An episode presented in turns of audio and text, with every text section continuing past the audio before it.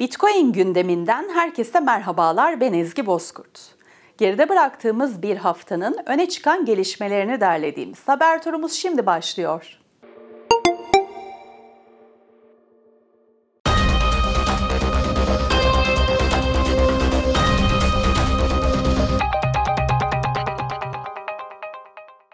Bitcoin ve kripto paralara yönelik olumlu tutumuyla bilinen Amerika Birleşik Devletleri Başkan adayı Robert F. Kennedy Jr. tüm çocuklarına Bitcoin aldığını duyurdu.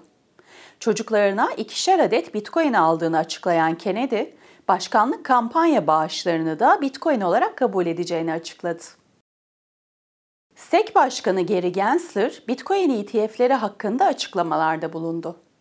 Gensler yaptığı açıklamada spot Bitcoin ETF başvuruları ile ilgili kesin kararlar verilene kadar bir açıklama yapmayacağını, ancak kripto para alım satım platformlarının dolandırıcılık ve manipülasyon önlemleri olmadığını vurguladı. Dijital varlık yönetim şirketi Grayscale, Amerika Birleşik Devletleri Menkul Kıymetler ve Borsa Komisyonu'na başvurulan tüm spot Bitcoin ETF'lerinin onaylanması yönünde çağrıda bulundu.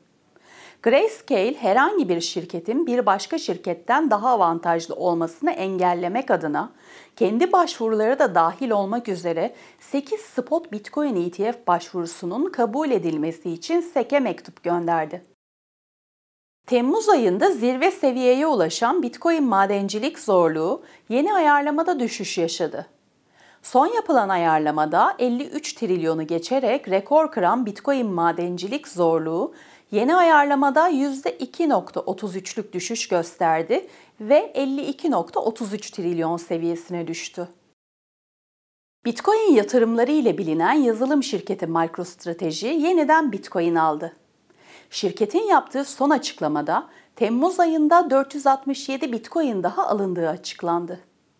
Bu alımlarla birlikte şirketin sahip olduğu Bitcoin sayısı 152.800'e yükseldi.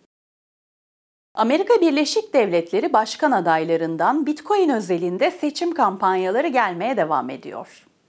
ABD Başkan adayı Ron DeSantis, mevcut ABD hükümetinin Bitcoin'e dair bir savaş içerisinde olduğunu ve kendisinin başkan seçilmesi halinde bu duruma son vereceğini açıkladı. Bitcoin gündemine dair haber turumuzun ardından Ekonomi gazetecisi Murat Tufan'a bağlanacağız ve geride bıraktığımız bir haftada Türkiye'de ve dünyada hangi gelişmeler yaşanmış kendisinden dinleyeceğiz. Muratçım merhaba, hoş geldin. Merhaba Ezgi, iyi yayınlar diliyorum öncelikle her zaman olduğu gibi. Teşekkür ederim Murat. Geride bıraktığımız bir haftada Türkiye'de ve dünyada neler yaşandı bizimle paylaşır mısın? Oldukça yoğun bir aslında gelişme oldu. Yine bakıldığında belki de bu teknolojiyle birlikte birçok gündemi hızlandırılmış bir tur olarak görüyoruz ve ekonomi cephesinde yine birçok önemli haberi gördük. İşte Fitch Amerika'nın kredi notunu düşürdüğü bir taraftan Brezilya Merkez Bankası öncülüğünde Latin Amerika ülkeleri enflasyona karşı zafer ilan etmeye başladılar ve faiz indirimini e, FED'den önce aldılar ve bizim tarafta da tabii çok önemli gelişmeler vardı. Hem üçüncü dönem enflasyon raporunu gördük. Biliyorsunuz Merkez Bankası'nın başındaki ilk kadın başkanımız Hafize Gaye Erkan ve Sayın Erkan özellikle sunumu çok beğenildi. Ancak bir taraftan da hani sunumu beğenildi Murat ama enflasyon ve dolara baktığımız zaman biz orada bunun rakamlarda yansımasını görmüyoruz diye izleyeceğimiz belki e, telkinde de sistemde bulunabilirler. Çok da haklılar. Onlara da detaylarına birazdan geleceğim. Tabii dolar artıyor bir taraftan. Dünyada da en azından bakıldığında bu dönemde neye yatırım yaparız, yapmalıyız diye yatırımcılar da tabii yol haritasını arıyor. Ee, bizim de görevimiz e, ekonomi basını olarak da bu yol haritasında tabii yönlendirme yapmadan e, izleyicilerimize ışık olmak. Dolayısıyla bu hafta özellikle geçtiğimiz haftaki Amerika Merkez Bankası'nın faiz kararının yansımaları devam ederken bir tane faiz artışı yaptı ve açıkçası Fed'in çizmiş olduğu rotada anlaşılan o ki bir tane daha faiz artışı yapacak ve bu olayı kapatmak isteyecek e, niyetindeydi. E, dili geçmiş zaman kullanıyorum çünkü bu hafta özellikle istihdam verileri aslında Amerika Merkez Bankası'nın bu seri faiz artışlarının hiçbir şekilde istihdam kaybına yol açmadığını ve özellikle özel sektör istihdam rakamlarında 190 bin beklenen data tam 330 bin olarak açıklandı. Bu şunu gösteriyor. Yani bu rakam hani bir ekonomide istihdam sağlanıyorsa o ekonomiyle ilgili e, ya da o merkez bank neden faiz artırsın ya da neden kötü düşünelim diye belki düşünebilir izleyicilerimiz. E, şöyle yanıtlamam gerekiyor. Ne kadar çok insan iş gücüne katılırsa o kadar çok harcama oluyor ve o kadar çok harcama olunca da ister istemez talep bağlı olarak bir enflasyon görüyoruz. Yani enflasyonun yüzde iki hedefine ulaşmasının çok zorlaştıran bir tablo oluyor. Dolayısıyla Amerika Merkez Bankası'nın önümüzdeki dönemde belki birden daha fazla bir faiz artışı yapma olası olabilir. Bunu burada bırakalım bu konuyu. Çünkü bu konu zaten iki senedir böyle FED faizleri 5.25'ten bırakacak gibi bir burjuva tartışmasına döndü. Esas Amerika için konu birincisi Beyaz Saray'da bir e, silahlı saldırı tehlikesi oldu. Beyaz Saray boşaltıldı ki kongre baskınını seçimler sonrası hatırlıyoruz. Orada özellikle Amerika'da silahlanma, bireysel silahlanma bu dönemde de çok artmışa benziyor.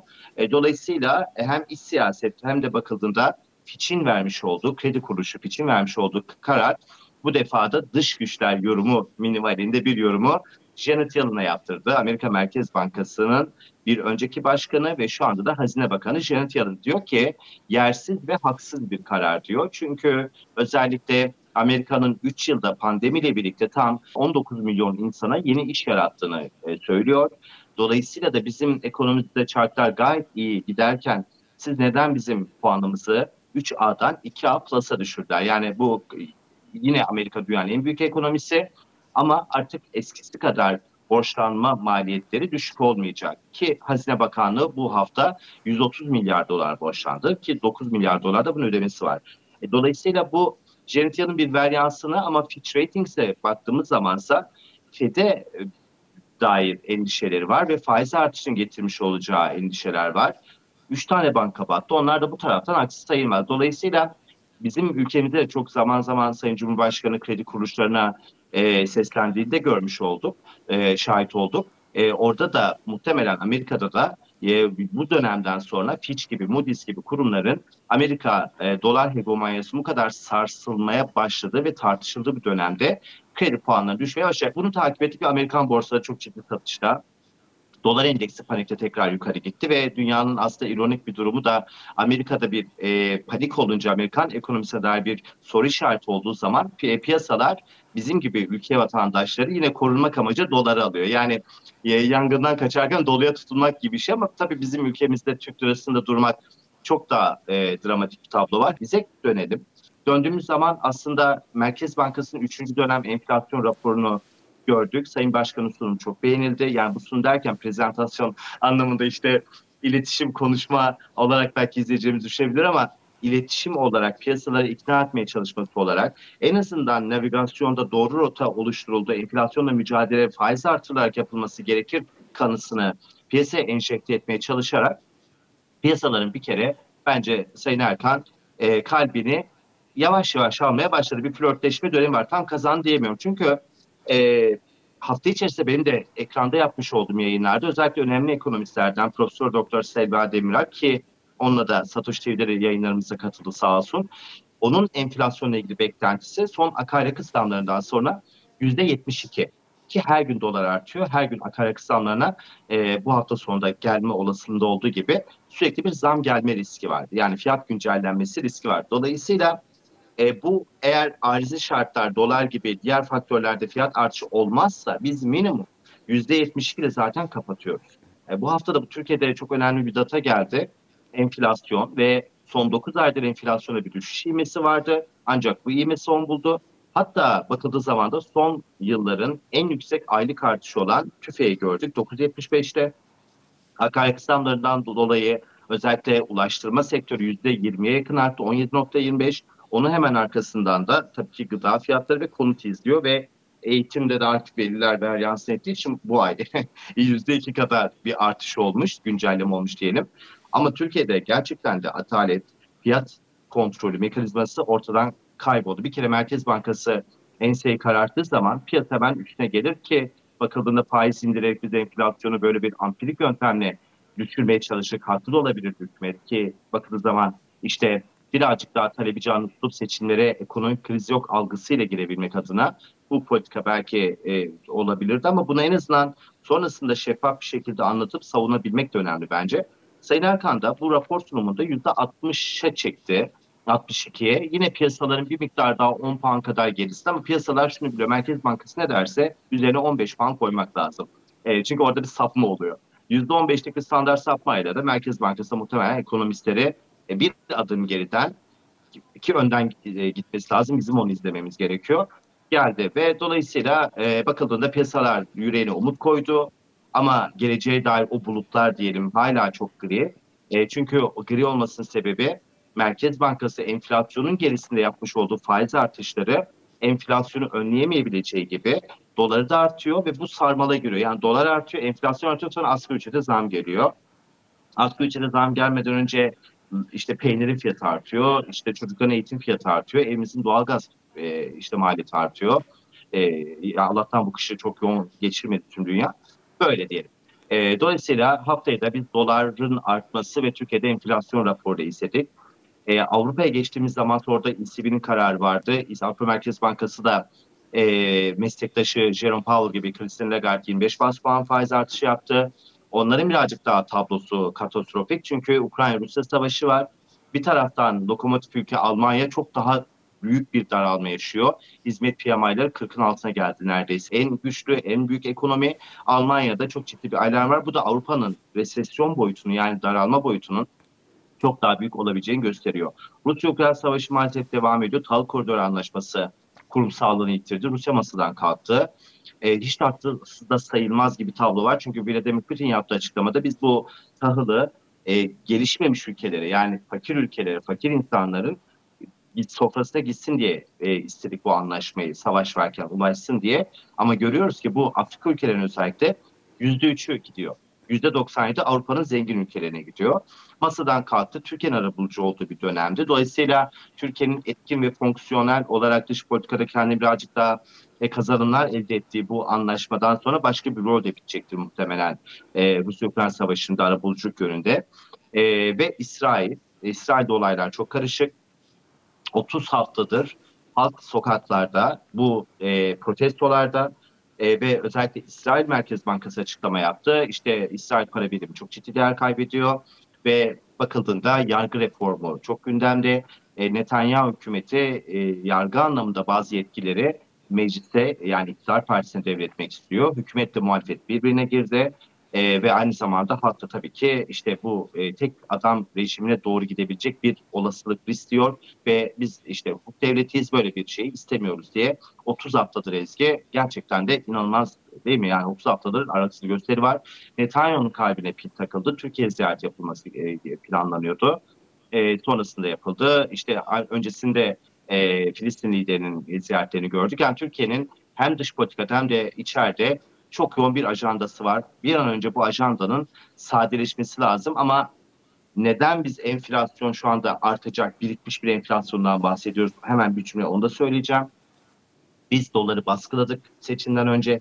E, hep söylüyorum etiket fiyatı değiştirilmişti. Kur korumalı mevduatta siz dolar almayın. Gelin KKM'ye kardeşim biz size lira e, üzerinden dolar faizi verelim. Yani e, Türk lirası üzerinden dolara bağlama oldu insanları. Dolayısıyla o tarafta bir dolar talebinde düşüş olunca doların gerçekliğiyle piyasa değeri arasında bir kopukluk oldu, gap oldu orada ve kapalı çarşıda biz bu gap'i gördük, boşluğu. E, bu defa faiz artırarak biz doları serbest piyasaya emanet edince piyasa gerçek değerini vermeye başladı. Türk lirası biraz daha değer kaybetmesi gerekiyor. Dolayısıyla bu enflasyon birazcık daha artacak. E, Bitcoin'e de geçince İsrail'de 30 haftadır e, protestolar var demiştim. Bitcoin'de bakıldığında aslında çok değişik bir döneme girdi. Yani kış uykusu var ama yaz uykusu döneminde şu anda tam olarak ki işte e, önemli bir şekilde son 3 yılın en düşük hacminde Bitcoin'de neredeyse yaprak kıpırdamıyor.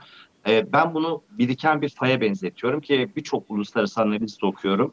Bitcoin ile ilgili bu kadar e, sakinleşmesi e, ve aynı zamanda böyle fiyat volatilitelerinin düşmesi e, aslında biriken bir Bitcoin fiyat hareketinin önümüzdeki dönemde geleceğini gösteriyor. Tabii biz Satoshi TV olarak hep Ezgi altını çizer. bir bitcoin eşittir bir bitcoin. Yani değerine biz bu şekilde bakıyoruz. Burada bitcoin felsefesini gerçekten de şöyle okumak lazım. Dolar hegemonyasının sarsıldığı ve Janet Yellen'ın bile şu anda ver yansın ettiği bir dönemde yavaş yavaş bitcoin'in bu sınırsız dediğimiz yapının daha sınırlı bir yapıya dönüşeceğini, paylaşım ekonomisi dediğimiz noktaya gideceğimizi, hatta bu kıtlık ekonomisi vesaire tartışarak zaten dünyada başka bir dönüşüm olduğunu görüyoruz. E, nihayetinde ne para, ne gıda, ne de başka bir şey sınırlı ol, e, sınırsız olmayacak. Her şeyin sınırlı ve kredi ve büyüme gibi mekanizmaların ya da kazanç, kar gibi kavramların da önümüzdeki yıllarda gelecekte çok başka bir şey evrileceğini görüyorum. Bitcoin'de onun e, güzel yönden anlatan bir aslında teknolojik e, ürünü meyvesi diyelim ve biz de bu meyveyi anlatıyoruz Ezgi. Murat çok teşekkür ediyorum. Tüm yorumların için keyifle dinledik yine seni. Çok teşekkürler. Bitcoin gündeminin bu haftalık sonuna geldik. Gelişmelerden haberdar olmak için Satoshi TV YouTube kanalına ve Satoshi Radyo'ya abone olabilirsiniz. Gelecek hafta yeni haberlerle görüşünceye dek hoşçakalın.